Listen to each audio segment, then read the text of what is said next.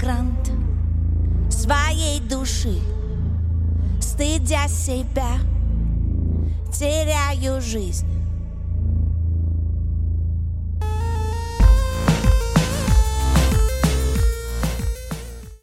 Вот она всегда мне задавала вопрос, вот, а чем заканчивается этот сон, когда вы в тюрьме? Вот, вот, вы, я говорю, вот, ну, фактически там, вот, вот вы, вы должны оттуда выйти. И в итоге, когда вот один, как бы через некоторое время, вот мне все а, за мной пришли, и я вышел оттуда и ушел, и после этого прекратилось все. Реально, вот как она сказала, так и все после этого прекратились.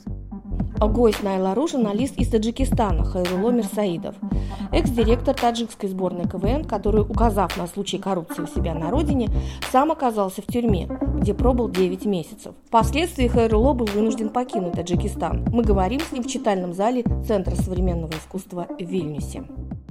Где вы работали когда... как журналист? Там, тогда еще. Ну, я 9 лет работал на Deutsche Welle, корреспондентом по Таджикистану, по Кыргызстану. Я работал 5 лет на, в медиахолдинге Азия Плюс, это самый крупный, и самый, ну, number one, короче, в Таджикистане. А, параллельно я руководил а, рядом центральноазиатских проектов, журналистских проектов, огромными проектами. Сейчас, в принципе, у меня тоже такой же проект, но он сейчас очень маленький.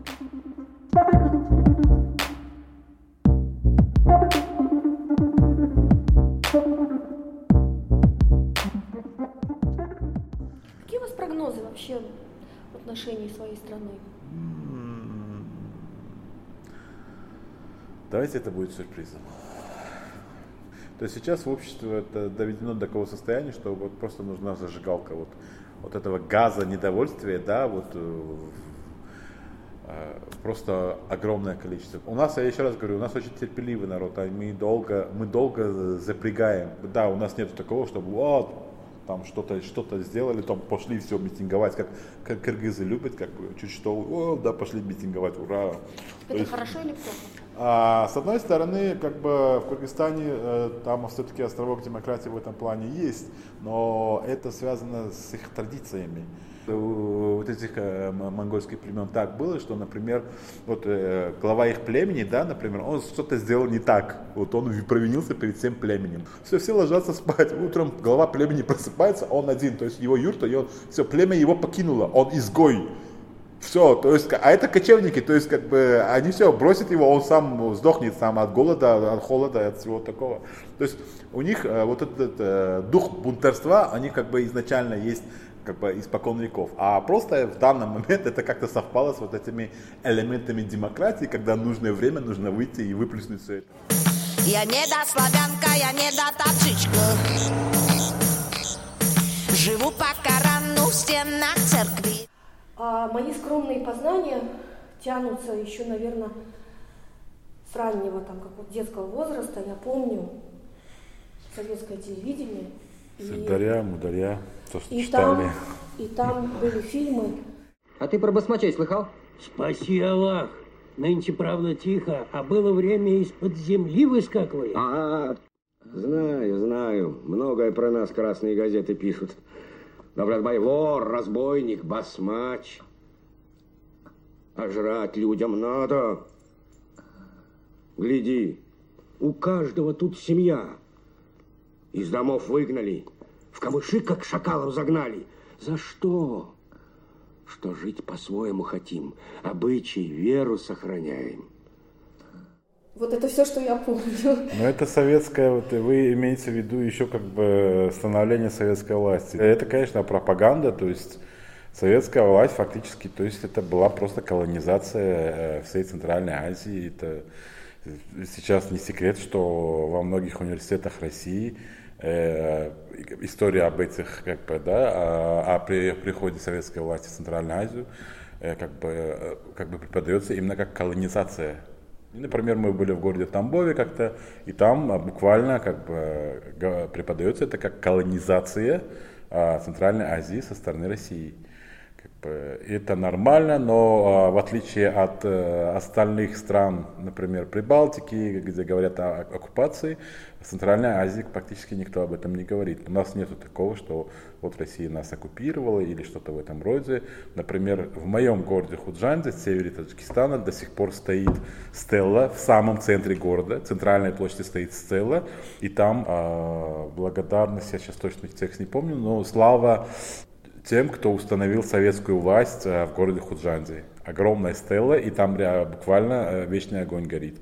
В советское время, когда мы там стояли на, на как будучи пионерами, мы там стояли на посту, как бы у вечного огня. В моем же городе э, там есть одно место, но это около пляжа, а там стоял памятник, ну такой маленький, и там советский солдат, который а, погиб во время установления советской власти Тама. Через некоторое время вот эта часть, она была фактически общественной, то есть эту часть все выкупили, ну, частники. То есть там сейчас как бы такой парковая зона, и везде топчаны стоят, можно плов покушать, и хана там. Но вот эта стела, она до сих пор стоит. То есть даже частник не убрал, он мог убрать, потому что это все, это его территория. Плюс, например, а, в моем городе Худжанде он в советское время а, назывался 70 лет Ленинабад. Потом обратно вернули старое название. И на постсоветском пространстве памятник Ленину у нас по величине был третьим потому что город называется как бы именем. И когда а, пришло время, что пора убрать как бы Ленина с центральной улицы, у нас не разломали это, потому что там специально создали парк, этот парк называется сейчас Парк Победы, и туда сейчас э, как бы со всех этих частей э, нашей области э, стягивают все советские памятники. Первое, что я, когда начала готовиться к интервью, первое, что я начала делать, я сразу задумалась, а как Таджикистан стал советским. Я начала копаться и смотрю, что Бухарский Эмират, угу. потом в 22 году советские, крас, советская армия пришла эти территории, их заняла. Сначала была Бухарская республика, потом Бухарскую республику поделили на национальные республики, среди mm-hmm. них одних оказался Таджикистан. По сегодняшний день недовольство среди практически всего населения Таджикистана, и не только Таджикистана, соседнего Узбекистана тоже, потому что соседний Узбекистан как бы официально не говорили, там около 60% населения это, это этнические таджики. И большая часть таджикской территории, это величайшие города Самарканд, Бухара, еще Ферганской долине несколько, то есть огромное количество территорий, которые принадлежали этнически таджикам, они как бы э, остались сейчас, сейчас за пределами страны и, и все. И их там с первого момента их начали ассимилировать, а на момент э, появления у так называемой Узбекской ССР таджики превышали туркоязычное население почти в два раза. А потом через 3-4 э, года эту статистику просто переиграли. Сейчас официально заявляют, что якобы там всего лишь полтора миллиона таджиков. На самом деле это не так, это абсолютная ложь. Ну и самое главное, вы можете спросить у любого практически, кто чуть-чуть разбирается в этом деле, он скажет, что Самарканд и Бухара, то есть а, в отличие от, например, а, той же Армении и Азербайджана, где вот из-за а, ничтожного клочка а, земли, где как бы Карабах, да, как бы идет война, где там вообще ничего нету, то есть как бы там по большому счету не за что воевать. Мы, наверное, должны были начать Третью мировую за эти а, исконно таджикские города. Почему не начали? Таджики мирный народ. Благодаря этому, наверное, поселились, э, придя к нам, поселились эти узбекские племена, потому что узбеки как бы это, это нация, придуманная вообще советской властью. Узбеков как нации не существует. Это около 130 разных маленьких племен, а Узбак-хан это последний правитель Золотой Орды а, который был а, в родственных отношениях с князьями российскими. Благодаря им, именно этим родственным отношениям Россия избавилась от этой дани татаро-монгольской то есть которые они платили 300 лет. В честь этого всего они просто назвали эту нацию, потому что они не знали, как их назвать. И они назвали в честь вот этих как бы узбак, как бы узбак, как бы, а в русской интерпретации, как бы транскрипции получается узбек. То есть это э, имя э, татаро-монгольского как бы, правителя. На уровне кухонных разговоров любой вам скажет, что рано или поздно мы э, должны вернуть это. Но на государственном уровне нет такого, нету. И мы всегда как бы живем жили как бы дружно, если не считать государственную какую-то политику. Пока не умер Ислам Каримов, первый президент Узбекистана, у нас были отношения очень плохие с Узбекистаном. Почему? А ну потому что не, не, не поладили э, два таджика, потому что Ислам Каримов тоже таджик, как бы. Вообще там практически все это в правящем режиме полностью таджики. Сейчас нынешний президент, он тоже как бы, э, причем он родился в, этот, на территории нынешнего Таджикистана, он вырос, как бы, а потом туда переехали они. Вот как бы из-за личных отношений э, фактически все это, то есть у нас были, то есть по сегодняшний день визы, введенные тогда между двумя вот, вот такими государствами, до сих пор визы есть, были заминированы границы с узбекской стороны, якобы, чтобы исламские боевики как бы не проникли от нас, через нас как бы к ним. Но это все, конечно, ну скажем так, шла очень серьезная война на политическом уровне. Не прямая, как бы, да, а, а, а сразу после смерти Ислама Каримова, вот его президентом стал как бы вот сейчас Шавкат Мирзияев, до этого времени он был премьер-министром. И он полностью поменял политику. Сейчас мы кровные друзья, вот так и т.д. и т.п. Но и при этом границы открыли, сейчас свободно разъезжают. И, например, я вижу, что как бы там миллионами каждый год статистику я вижу, сколько туда, туда, туда потому что родственные связи есть. То есть наши артисты туда ездят, например, ту же Самарканд и Бухару, потому что там таджики. Даже много писало статей, что, например, на улице узбеки, а дома таджики. То есть, но все равно свадьба, они играют, все вот это чисто по, как бы, и, соответственно, песни-то там должны быть таджикскими. Чего ж нашел Максимка в этой узбечке?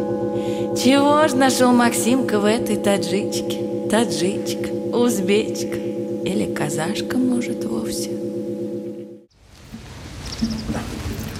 Можешь там спеть? На своем, ну, родном языке.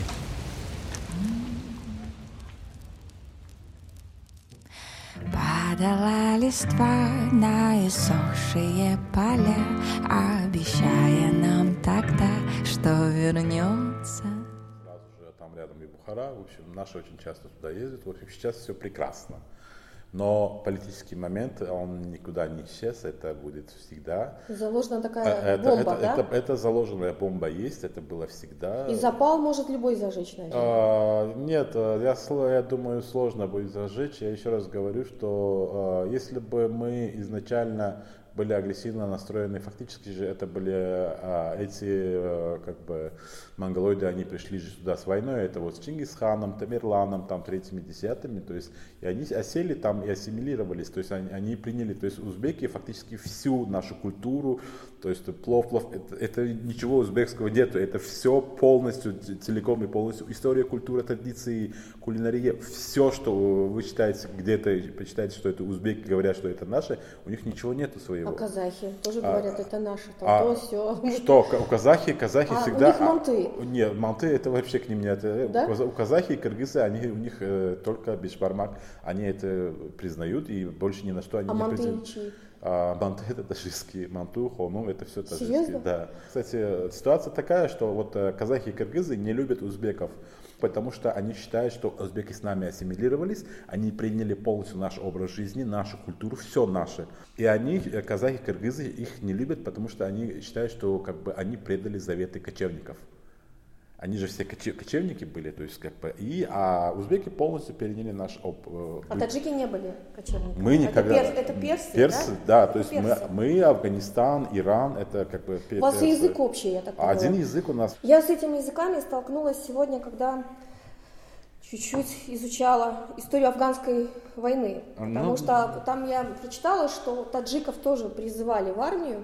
И, и таджиков брали часто как переводчиков. Да, ну потому что у нас один язык, и во время да, афганской войны все И что самих, было. и что, в общем, атмосфера была жуткая в том плане, что таджиков, несмотря на то, что тех, которые служили в советской армии, их тоже называли духами, предателями, а, маджахедами и тому подобное. И даже была какая-то принята какой-то указ брать меньше таджиков в армию, потому что они подвергались там дедовщине сильной и тому подобное. Ну, насчет этого не знаю, конечно. Мало кто задумывается, сколько людей сейчас погибает на Украине. 12 тысяч мирного населения. Бац, ну, вот так вот. Э, во время пятилетней гражданской войны в Таджикистане после развала умерло больше 100 тысяч человек.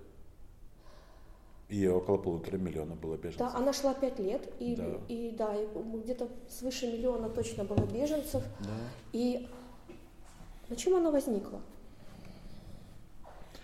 Есть очень много версий. Сейчас каждым годом все это дело политизируется, то есть сваливается на одну, вторую часть, то есть это сваливается как бы на тех же как бы исламскую партию, которая сейчас официально объявлена террористической, то есть обвиняют в этом Узбекистан, обвиняют в этом а, Россию, чтобы они были организаторами а, частями, как бы есть даже э, документальные подтверждения этому факту, то есть в разное время этого, этой войны, в самом разгаре, то есть как бы непонятные вещи происходили, и общие как бы, и никто, понятное дело, сейчас не хочет брать на себя ответственность и не возьмет. Но есть главный фактор, то, что я э, считаю, потому что в любом случае, кто бы как бы инициатором не был с, с- этот, как бы снаружи, да, главная причина была именно в регионализме. В советское время 70 лет правил север Таджикистана, это моя область. Она давала порядка 65% всего бюджета страны. То же самое, около 60% сейчас дает только одна наша область. И это единственная донорская область, которая, то есть область, которая является донором в Таджикистане. Все три остальные области, они являются дотационными. То есть там, из, 20 например, на юге Таджикистана из 22 сем- городов и районов, 17 из них полностью дотационные. На Памире у нас как бы там 12 или сколько городов, районов, они все дотационные. А, Ну, город Душанбе, понятно, он как бы такой Ну да, ну все. И, э, и 70 лет правил э, север Таджикистана. За что можно? Война была именно за власть, чтобы юг э, захватил власть. И так получилось. То есть двух президентов, которые, первых президентов как бы за один год скинули двух президентов э, Нет, первых. сейчас так прозвучало прям как по-американски этот самый юг против севера. Да, да, да, это вот именно, та, именно шла вот такая война. Территориально война шла на, только в Душанбе и на юге страны. Север отделяется двумя а, горными перевалами, и фактически это одна дорога. Наши как бы просто поставили там блокпост, чтобы вообще как бы никто не проник с севера. Я, например, тогда школьником был. То, что у нас была война, я узнал, когда она закончилась уже. Вам сколько было лет? А, ну, когда в 91 году я в шестом-седьмом классе учился, как бы. То есть и мы не знали об этом, а об этом никто не говорил. Так, э, край мухок что-то 100 слышал. тысяч что- человек погибли, и, вы, и никто а не мы, знал. Да, на севере Таджикистана никто не знал. Мы еще, я же говорю, как бы, то есть одна дорога нас разделяет со всем остальным Таджикистаном. Если вы видели карту Таджикистана, вот верхняя часть, вот это как бы, если вот этот как бы конь или барашек, это вот вверх голова, как раз это вот э, Сагдийская область и все остальная часть. Вот в, в остальной части шла война. А вот как бы э, северные люди, они такие еще как бы такие добродушные слишком это. Сказали, окей, пожалуйста, забирайте власть. Ну, поставили этого ему Уля Рахмона, и вот к чему сейчас привел. Войну фактически он начал, как бы, то есть он участвовал во всем этом, как бы война шла как бы при нем еще. То есть временного надо. Он, он создал Народный фронт про- против оппозиции, и, и шла война. И он был готов, э, судя по тому, что сейчас говорит оппозиция, Мамуля Рахмона вынудили со стороны Москва, Узбекистан и там еще а, другие партнеры вынудили э, заключить мирный договор с оппозицией и как бы нормально сосуществовать вместе. И- а как говорит сейчас оппозиция, Рахмон был готов еще дальше воевать как бы с этой оппозицией. То есть очень разные, много версий, но главное, что как бы то, что факт, то, что вот эта заложенная бомба между севером и югом, то есть они считали себя обиженными, а, потому что север всегда процветал, они думали, что, наверное, это потому что нет. 30 лет уже правит север, э, юг, сейчас юг страны, и в итоге ничего не поменялось. Самая богатая область и как бы единственный донор это север Таджикистана, они остальные просто сидят и воруют и жрут как бы бюджет, вот и все. А электростанция у вас где находится? Электростанции у нас находятся везде. В в Таджикистане 93% территории горы это тысячи ледников, огромные ледники, и у нас э, снег это, то есть э, тает круглый год. Около 65% всей воды в Центральной Азии она производится в Таджикистане. Ну, как бы и течет с таджикских гор. Я вот как-то ушла от своего вопроса, который я хотела сформулировать после того, как я упомянула про погибших в Украине в современное нам- нам время. А как относятся вообще к- к вопросу Крым наш? Вот по, по большому счету э, многим таджикистанам это до, до лампочки по большому счету вообще как бы этот вопрос. Э, я не уверен, что вообще многие знают об этом, по сути. Да? У нас многие э, живут в горных районах. И я посещаю эти дома, а там прекрасные люди живут. Они не испорченные временем, не испорченные телевизором, потому что во многих этих домах нету телевизора. Они не ставят просто телевизор, они знают, что э, этот телевизор портит их детей. Там просто прекрасные люди живут. Это вот только от общения с ними у вас душа раскроется намного лучше, чем и вы слетаете куда-то там в Египет или Таиланд или куда-то там. Ну, в Таджикистан дорого летать. А да, да, это, это как, опять же, как коррупция со стороны семьи президента, потому что две авиакомпании, которые есть в Таджикистане, они оба контролируются, как бы это принадлежат семье президента. И топливо, которое завозится сюда, оно тоже принадлежит семье президента. Они просто навариваются на наших мигрантах. То есть сами создают, создали условия такие, чтобы больше миллиона вынужденно уезжают на заработки. И причем Да-да, я сегодня эти цифры изучила. А, после того, как в России приняли закон, 200 тысяч человек депортировали обратно, я так поняла, в Таджикистан. Какой закон? А там какой-то антимигрантский, да? Ну, то закон о мигрантах, он практически чуть ли не ежегодно, как бы какие вводятся какие-то корректировки, постоянно повышается цена на патент, на работу, там второе, третье. То есть ужесточение идет с каждым годом со стороны Российской Федерации, но это а, политика вообще это давление на Таджикистан, а, чтобы Таджикистан вступил в Евразийский союз. То есть, э, в отличие там Казахстан, Кыргызстан, Армения, Белоруссия, Россия, они как бы члены Евразийского союза. Мы и Узбекистан, мы как бы не вступаем как бы, в Евразийский союз. И постоянно идет пропаганда со стороны российских, идет давление на Таджикистан, чтобы мы вступили ну, я вот еще просто думала, когда читала цифры а, мигрантов, около там миллиона, да, даже если 200 тысяч выслали, то там приезжают новые и так далее, там все пополняется. Они присылают половину ВВП э, почти. Да, да, да, да. То есть около двух миллиардов как бы присылают эти, за счет этого страна держится. На данный момент идет монополизация этих переводов. Теперь, то есть если раньше каждый банк, то есть там много частных банков у нас, да, а, отечественных, а, и э, то есть какая, какой банк э, лучше всех обслуживает, понятное дело, люди через этот банк хотят забирать свои деньги. Сейчас сделали так, что все переводы сначала попадают в национальный банк, они какую-то там свою маржу ставят, и вот сейчас скандал идет насчет этого, не знаю, да, даже в России ужаснулись, они вы, вы там с ума зашли. Единое окно сделали, то же самое, например, сделали у нас сначала с интернетом. Раньше как бы каждый оператор брал у своих партнеров, сейчас сделали единое окно, то есть вот а и все как бы вот эти шланги, провода как бы сначала туда заходят, а потом оттуда раздаются. Буквально вчера вышел рейтинг, мировой рейтинг. Таджикистан занимает последнее место в мире по скорости интернета. Во-первых, качество испортилось, во-вторых, стало очень дорого. У нас, кстати, почти самый дорогой э, этот на постсоветском пространстве, да, это сто процентов. И самое главное, теперь а, таджикские власти полностью контролируют интернет. То есть у вас, в принципе, побольше. вот э, и деньги, и интернет это два разных потока, которые идут через одни руки. Да, и государственную там службу, э, сидит там, а сам как бы, э, как бы сват президента как бы главный. Он сидит там просто ворует и занимается еще параллельно бизнесом.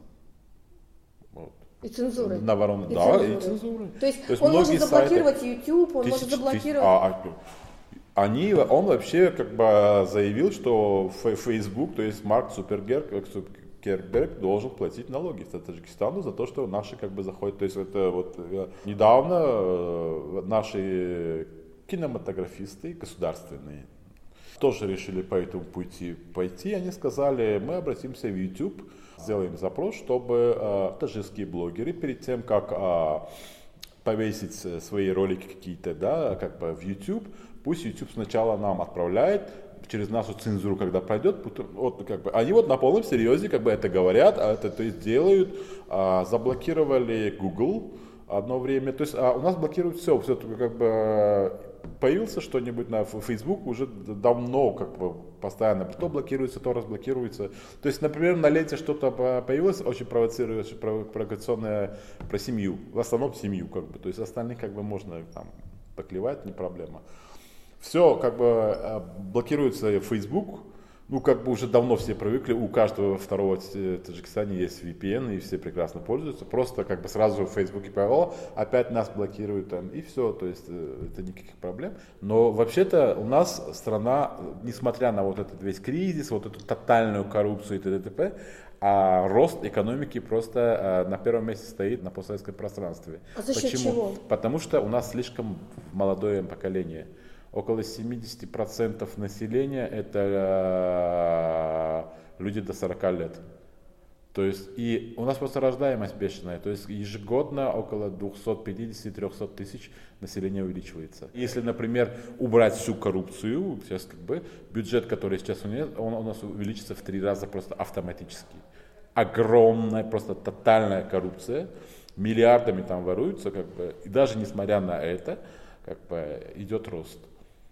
Коррупцией занимается непосредственно сам глава государства и вся его семья. То есть они э, фактически все продают, все захватили в, в стране. Те же мэры городов, районов, они как бы покупают свои, то есть как бы этот, они постоянно дают долю как бы семье президента.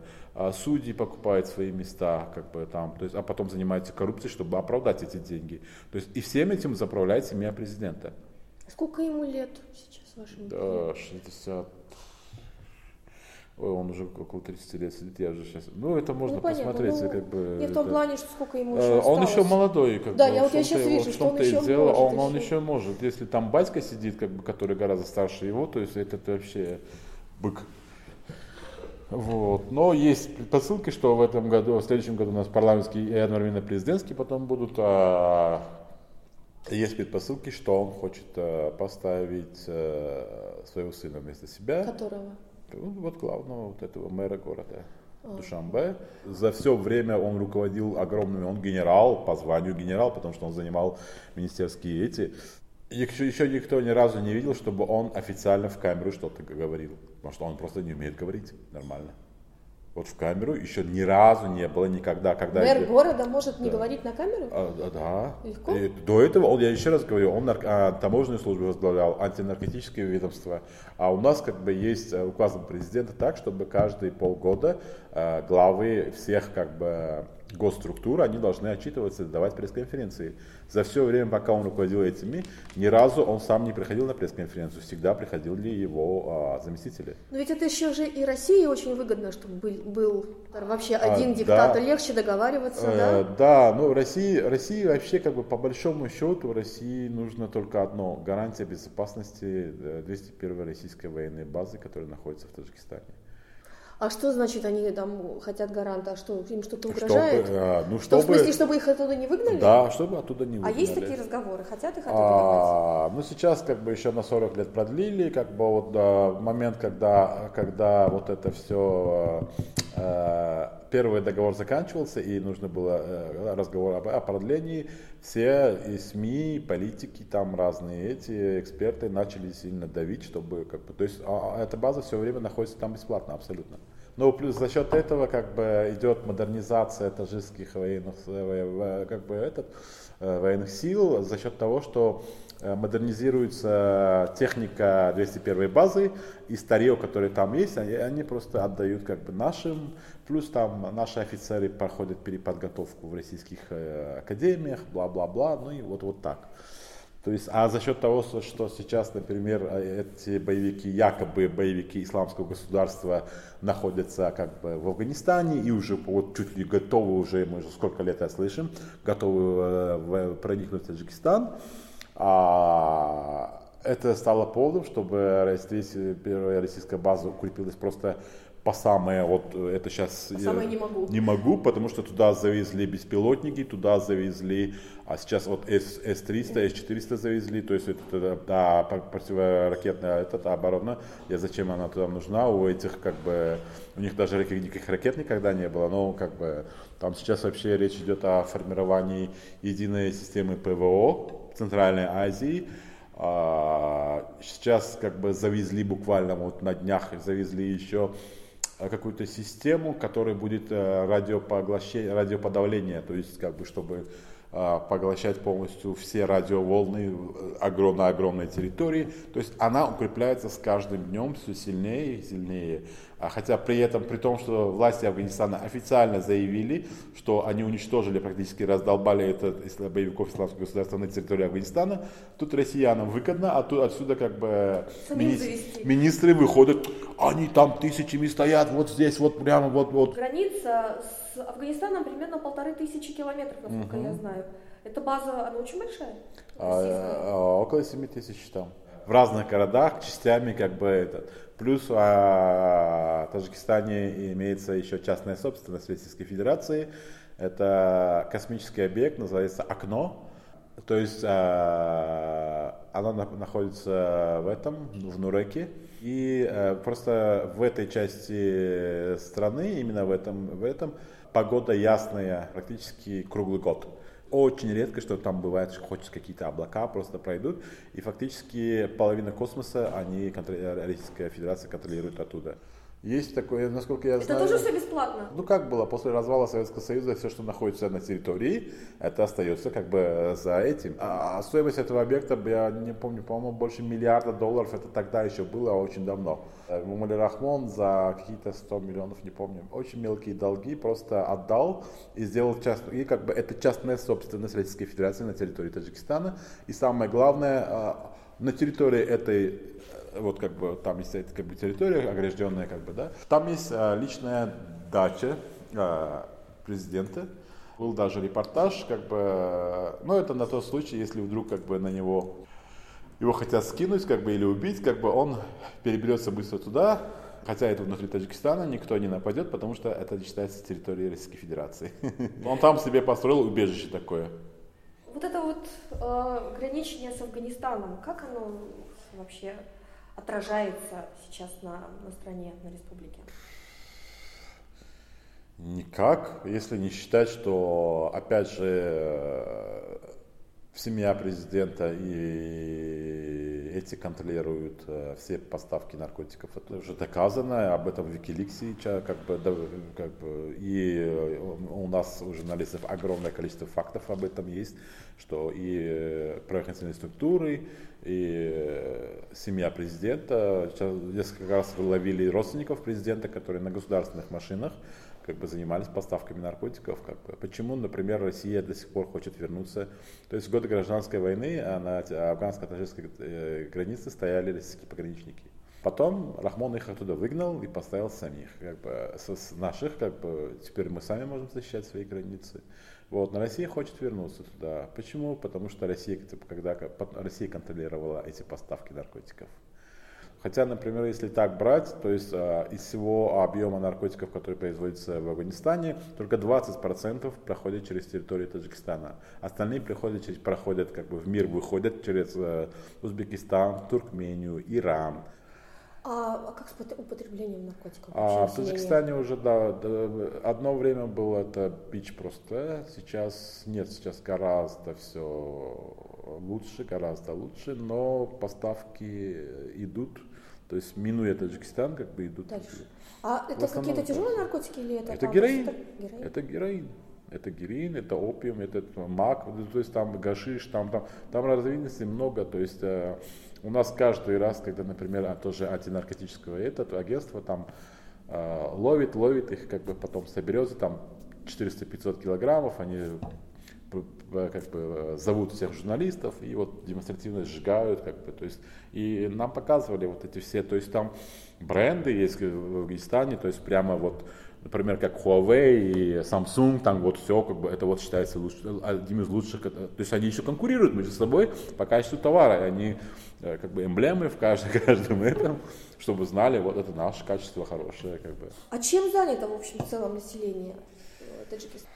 Э, сельское хозяйство, ну, вы знаете, что у нас Хлопок? Конечно, как бы, то есть хлопок. То есть сама страна маленькая, еще как бы 93% территории горы, и вот на 7%, на 7% равнины мы умудряемся жить 10 миллионов, еще выращивать хлопок, это отдельно, еще выращивать фрукты и овощи и снабжать ими Казахстан, Россию и в Европу, сотнями тысячи тонн э, фруктов и овощей в свежем виде или в сушеном виде. Это все поставляется, кстати, сюда тоже. Я летом пробовал, ну, э, по вкусу это были наши арбузы, ну, может быть отсюда, может с Таджикистана, может с Узбекистана, но а вкус наших арбузов э, с нашим солнцем, это я точно знаю. Я тут летом вообще кайфовал. Проблема в том, что у нас э, мелкий бизнес, с одной стороны, э, люди идут, вынуждены идут, но с другой стороны, быстро заканчиваются этим делом, потому что тотальная коррупция, вот эти проверяющие структуры, все... То есть, э, если брать по мировому рейтингу, например, вот э, Грузия, которую я обожаю с точки, они создали вот такие условия для бизнеса, они входят в лучшую десятку мира по вообще ведению бизнеса, то есть какие условия по налогообложению, там все. Таджикистан находится в худшей десятке мира. Это официальные данные, рей, прошлогодний рейтинг. А в хлопковой промышленности там в основном кто занят? Женщины, наверное, а, да? Женское население? Да, женское. Ну, сейчас как бы у нас раньше, если были, например, большие колхозы, потом это были совхозы, сейчас у нас называется фермерские хозяйства, как бы. И э, вообще-то земли сейчас вот эти большие совхозы, которые были, их всех э, раздробили. То есть была такая программа несколько лет назад, чтобы у каждой семьи был собственный колчок э, собственной земли, а не так, чтобы был председатель колхоза, совхоза и все остальные как рабы, там, то есть э, основную часть берет он, просто раздробили все эти большие совхозы, и теперь каждая семья может сама выращивать то, чтобы прокормить себя, так как у нас очень развито текстильное производство, а, у нас огромное количество, например, на севере Таджикистана несколько огромных предприятий, сеть фабрик э, итальянской фирмы Carrera, то есть там до глубокой обработки включают, то есть это вот э, производят джинсы, разные эти, всю одежду э, полностью производится там, потом это полностью перевозится в Италию, а оттуда распространяется по всему миру. Как итальянская? Да, как итальянская. Ну, потому что, как бы, то есть, они официально там имеют, как бы, свои фабрики. А, у нас... У вас э, как рабочая сила. Да, как то есть, там же выращивается хлопок. Mm. По-моему, эти компании, ну, по крайней мере, я о одной компании знаю, они, как бы, уже даже готовы, э, то есть, э, чтобы выращивать тот хлопок, который они ну, нужен, они сами взяли землю, сами выращивают под свое производство, и вот так. То есть, вот раз, раз, все, и все, уже готовый товар. Э, как бы, а хлопок, он такой же разный, как и виноград для вина? Ну, не до такой степени, конечно, сортов хлопка тоже много, но не как виноград. Виноград все-таки, то есть, там гораздо. То есть, у меня дома, например, 6 а, видов винограда растет. Каких? Вряд ли вам что-то это скажет, потому что я их названия на русском не знаю. Как бы, ну скажите, знаю, пускай позвучит. Первое, это означает чильги. Чильги, вот чили это означает 40, то есть 40-дневка. А у нас как бы, так как весна наступает рано, в конце марта у нас уже, как бы вот здесь у вас в этом году 31 градус был, это самый такой рекорд, один день, да.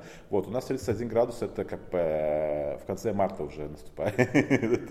И вот 40-дневка, как бы, то есть 40 дней, как, как солнце светит, как бы, как бы вот так, как бы считается, эти вот э, первые э, виноград поспевает. Поэтому чельги, как бы 40-дневки, то есть, как бы, у нас как бы дома отец так посадил, чтобы вот а, одно, одно закончилось, второе, второе закончилось, третье, и в конце там Потом есть тагоби, это, это вот э, такие красные-красные, как будто вот как гранаты.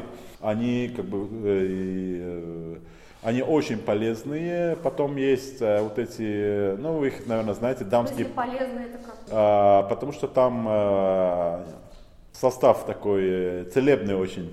То есть их много, не, не, не сможете вы много покушать, потому что они э, бьют по горлу со своей, э, как его, слишком сладкие. То есть их надо запивать чем-то, как бы вот так. Там есть дамские пальчики, там еще какой-то есть. Потом и в конце есть э, осенние, зимние как бы эти, которые где-то мы в октябре, в конце октября мы их срываем и оставляем. И у нас фактически где-то до конца января следующего года у нас дома всегда есть э, виноград. А вы вино делаете из А папа иногда, иногда делает.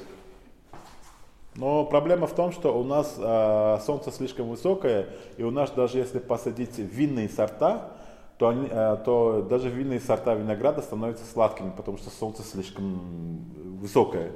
Поэтому у нас а, вот те вина, которые производят, например, в Грузии, во Франции, бла-бла-бла, где а, солнце гораздо ниже, да, то есть как бы э, поэтому у них вина получается лучше. У нас как бы сладости, так как э, виноград слишком сладкий, у нас не получается те сорта вин, которые производятся в Молдавии, там, в других странах. Вот мы пришли к тому, что вы уже упомянули там, про четыре вида винограда. Да? Шесть, думаю, Шесть. шесть видов, да. Про папу, про вино. Почему вы здесь? Ну, потому что э, власти инициировали против меня уголовное дело, когда я открыто заявил об этом, о коррупции э, государственной системы, то есть прокуратуры, как бы, да. А прокуратура это как бы считается самые неприкосновенные, самые святые, как бы. То есть можно обвинить кого угодно, там, ну, кроме семьи, прокуратуры, там, э, милицию, власти, там. Это Я может читала с содержание да. дела, и оно мне почему-то показалось, простите мне, смешным. Ну, поскольку мы уже Да, очень много да, всяких она- она смешных очень долго, вещей да. рассказывали. Это связано, связано с КВНом, где еще как бы еще С смешнее. микрофона и Поэтому- думаю, хорошо. В общем, у вас украли тысячу долларов на микрофон, и вы написали жалобу.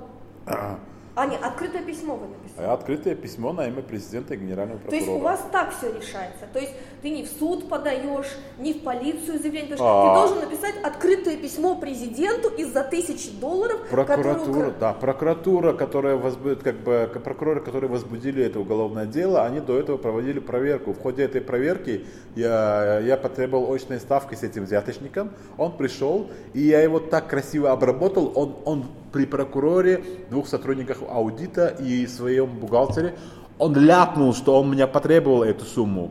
Под запись сказал? А в том-то и дело, что записи не было. То есть, ну, все стоят, вот сидит прокурор, давайте, все, я так посмотрел, вы слышали? Все, я ду- думал, все это основанием для возбуждения уголовного дела. То есть он конкретно занимался вымогательством у меня. Он ляпнул это. Я думал, все, как бы, и ничего, и ничего, и ничего. Так, значит, в уголовное дело возбудили против вас. Да, За а- клевету. Да, И, в общем, вас признали виновным и дали вам... 12 лет. Но там мне грозило больше, мне около 20 лет грозило. На основную статью, по которой обвинялась вся команда, кстати, разжигание религиозной и межэтнической розни, а ее, с- эту статью сняли еще в ходе следствия. Кроме меня там около 20 человек э, команды, а многие из них это известные в Таджикистане э, в мире шоу-бизнеса люди. То есть это певицы, шоумены, которые как бы, то есть и это был бы вообще большой скандал вообще. А не имея вообще никаких оснований, потому что там просто я громко, когда меня зачитывали обвинения, я просто сидел громко ржал, потому что там просто ляп на ляпе, это просто это а, хищение и растрата государственных средств. То есть те суммы, которые мне выделялись на этот, якобы я тратил их не по назначению и прикарманивал и все такое. И за клевету еще. А, и за клевету тоже то, что я этого взяточника назвал взяточником. Да. И вам дали 12 лет, и вы за, из них отсидели А, 10 нет, месяцев. э, нет, ну около 9 месяцев вообще в целом, если брать, то есть э, со дня ареста. А, то есть вы находились под... 6, 6 месяцев я находился а, под следствием, то есть э, То этот, есть вас лишили свободы в да, следствия? да, я сидел в след- следственном, преступника. да, меня сразу же арестовали, там же вот, когда зачитали обвинение, меня сразу арестовали, но они не думали, что как Потом бы- вас в колонию отправили? а, Нет, меня не отправляли в колонию, потому что мы сразу после суда а, подали апелляцию, а пока идет апелляция, они не имеют права отправлять в колонию. И вы еще сидели? Да, я еще сидел, как бы уже будучи... Это как бы, одиночная поз- камера или- Нет, это на э, камере по 20-25 человек на где-то 40 квадратных метров.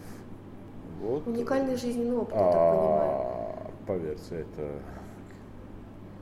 Вы вышли через 9 месяцев. На каком основании? А, На основании того, что у нас экономические преступления, если ты оплачиваешь, то есть а, возмещаешь ущерб, плюс оплачиваешь штраф, тюремный срок можно заменить на как бы оплату как это всё. Сразу уехали? А, Через два месяца после выхода я оттуда уехал. Почему? А, Потому что на меня еще, а, на меня оставили еще как бы два года исправительных работ. Два года я должен был в городе Худжанде устроиться на работу и выплачивать 20% своей зарплаты государству. Кроме того, в течение одного месяца я должен был погасить около 8 тысяч евро штрафа, который оставалось. Вы представляете, это в Таджикистане нет такой вообще зарплаты, такого никогда и не было. Плюс э, к этому всему, то есть я даже за пределы города не мог своего выезжать. Не то что это страны, города. Плюс мне еще поставили что условие, что за два года я не имею права э, вечером выходить из дома, появляться в общественных местах и э, выпивать спиртное. То есть за два года, если я выйду вечером, пойду в бар, выпить пиво, посмотреть футбол, я нарушу сразу три пункта, и они в любое время могут меня закрыть обратно. Поэтому я бежал. То есть они специально создали такие условия, чтобы я не мог это вот это, э, и чтобы быстро обратно упрятать, как бы уже на законных основаниях, сказав, что он сам виноват в этом, что бы, вот и все. И вы уехали в Грузию. Сколько Да. времени вы там пробыли? Около четырех месяцев там был. И оттуда почему уехали? А, потому что служба исполнения наказания, они подали на меня в суд, что я нарушил, и суд меня осуд- заочно осудил еще на 8 месяцев тюрьмы, и меня объявили в международный розыск. А, и в Грузии вас легко а, можно было да, а Грузия, да? Грузия, оказывается, у них есть прямая договоренность между Министерством иностран- э, внутренних дел, и они могли меня выдать. Меня объяви- объявили в розыск 11 февраля вот этого года. И э, 12 февраля я прилетел сюда. И у вас, по сути, на данный момент никакой возможности вернуться домой нет. А, нет, сейчас я попал под амнистию, которая была объявлена недавно, которая сейчас идет еще до сих пор, люди, людей выпускают. То есть я полностью сейчас как бы с меня сняли все обвинения. Я чистый, но у них на меня очень много есть компромата. А, именно уже политического, не э, э, с этим связано, а именно связано с моей журналистской деятельностью. В Таджикистане есть такая интересная статья «Оскорбление президента». И чуть ли не каждый второй мой пост как бы Оскорбляет. оскорбляет ли президента, его семью, и это означает около пяти э, лет тюрьмы. Формально можете вернуться, фактически нет. А, да, формально я могу вернуться, но меня могут сразу там просто. И плюс как Ну бы и вот как вы себя чувствуете в связи с этим? Э, Ну, нормально, я уже давно живу, в принципе. Не- как нет бы, тоски там э, Нет, по я как бы... Ну и мы постоянно общаемся как бы с родными по интернету. Они сюда не приезжали к вам? Нет. А не было такой возможности финансовой, как бы. Как накоплю денег, день, конечно, я приглашу всех, как бы, родителей, там, братишку, все такое, чтобы... А, Представитель Красного Креста сказала, что таджикская община, община беженцев, беженцев из Таджикистана в Литве самая большая. А, ну да, их больше ста человек. Что за люди приезжают? Это оппозиция и это журналисты. Ну, журналистов здесь практически нет. Я читала, что 20 журналистов у вас уже в изгнании. А, ну, это вот, э, они по всей Европе. Э, в Варшаве их много, э, в Германии они есть, э, во Франции они есть. э, и как бы и оппозиция. Оппозиция это Политическая оппозиция. да, это вот партия исламского Выдумленная. возрождения, которая с 2015 года как бы их объявили террористической, и потом те, которые сбежать, э, успели сбежали, остальные все сидят в тюрьмах. Все, потому что это считается террористической организацией. И любой контакт с ними, то есть вот я, вот у меня здесь таджики, я, я с ними не общаюсь, э, потому что любая информация, просто наша общая фотография появится в интернете, завтра на меня тоже возбудят уголовное дело, как то на террориста. Вот просто фотография, вот то, что мы вдвоем вместе, все этого достаточно. чтобы- Они очень скрыто живут? Нет, они Ну, нормально живут. А где бы. они в основном живут? В Вильнюсе или Э, В Вильнюсе Каунасе? есть, в Каунасе есть. Они занимаются бизнесом. Ну, обычно, как бы, обычно живут обычной жизнью. Они все приверженцы ислама. То есть они все пять раз в день молятся там. То есть, как бы, А это, это есть. в Женщины там одевают, вот это все есть. Да, они как бы придерживаются более-менее такого э, традиционного ислама, но при этом политическая партия как бы никогда не выдвигала ни одной а, этого, чтобы создать исламский халифат или что-то такого. Нет, это просто да, в рамках Конституции Таджикистана. Они были парламентской партией, а, но они мало чего могли там делать, потому что они были абсолютное меньшинство там. Даже если вся оппозиция, которая там еще была коммунистическая партия, несколько партий, там демократическая партия, то есть даже все, если все они объединятся, и проголосуют против, все равно как бы подавляющее большинство это правящая партия, и законы принимались все равно как бы в пользу того, что скажет президент. Какая она, таджикская тюрьма, и каким вы оттуда вышли? Ну, я не сидел в тюрьме, я Ну, в сидел в смысле, следственном это изоляторе, но следственный изолятор это как раз таки тюрьма, потому что у нас э, тюрьма одна у нас только есть в Таджикистане, тюрьма камерного типа, это вот называется тюрьма. Все остальные у нас колонии. Колония это означает, это вот в больших бараках примерно вот как вот это помещение, живут по 200-250 человек, и территория этого, этой колонии там несколько гектаров. И люди выходят, ходят, общаются, там у них там все открыто. Это, то есть а следственный изолятор это как раз тюремная система, это тюрьма натуральная, где ты 24 часа в сутки сидишь в камере и тебя выводят один раз э, в день э, прогуля, на прогулку, и эта прогулка не на улицу, это прогулка, а просто одна такая же камера, она пустая, в этом же здании просто, и там она пустая, и поэтому там просто по кругу ты ходишь. И ты практически не видишь э, солнца 9 месяцев.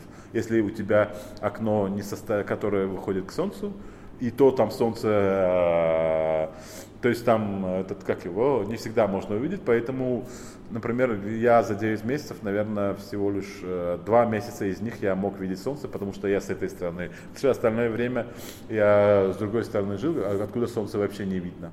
Там абсолютно разношерстная как, как же, публика.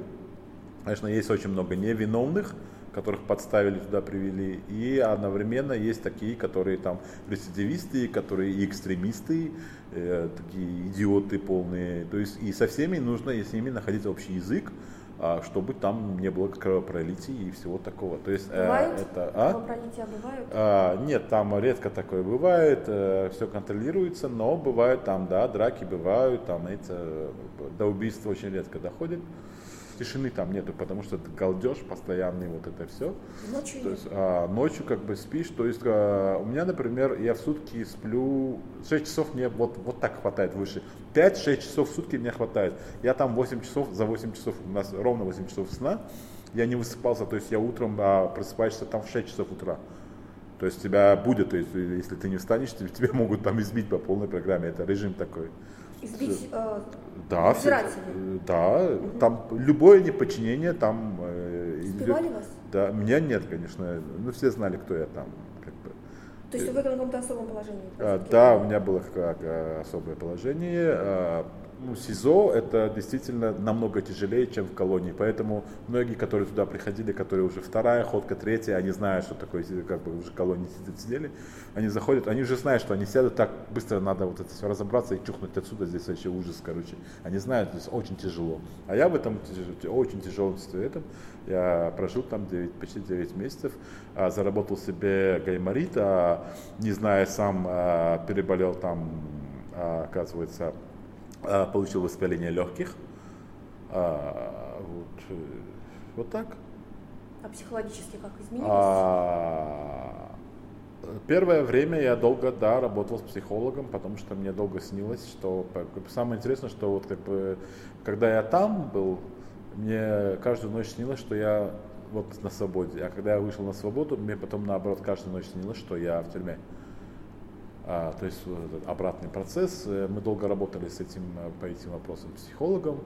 Ну, понятно, что это не забудется никогда, но по, я был очень агрессивным, когда я оттуда вышел, я просто быстро выходил из себя, вот это все, и все с психологом работал. В итоге я пришел в себя и как бы... Отношение к людям у вас изменилось? А, да, с точки зрения того, какое отношение а, у людей, которые находятся на свободе, и вот э, раньше вот этот вот человек проходит, он а это бывший как бы, отсидевший человек, как бы сейчас я изнутри знаю, что этот бывший отсидевший, он может быть далеко не виновным человеком. Подкаст Найла.ру существует за счет поддержки своих слушателей. Если и вы готовы поддержать, присоединяйтесь на patreon.com на нук мультимедиа.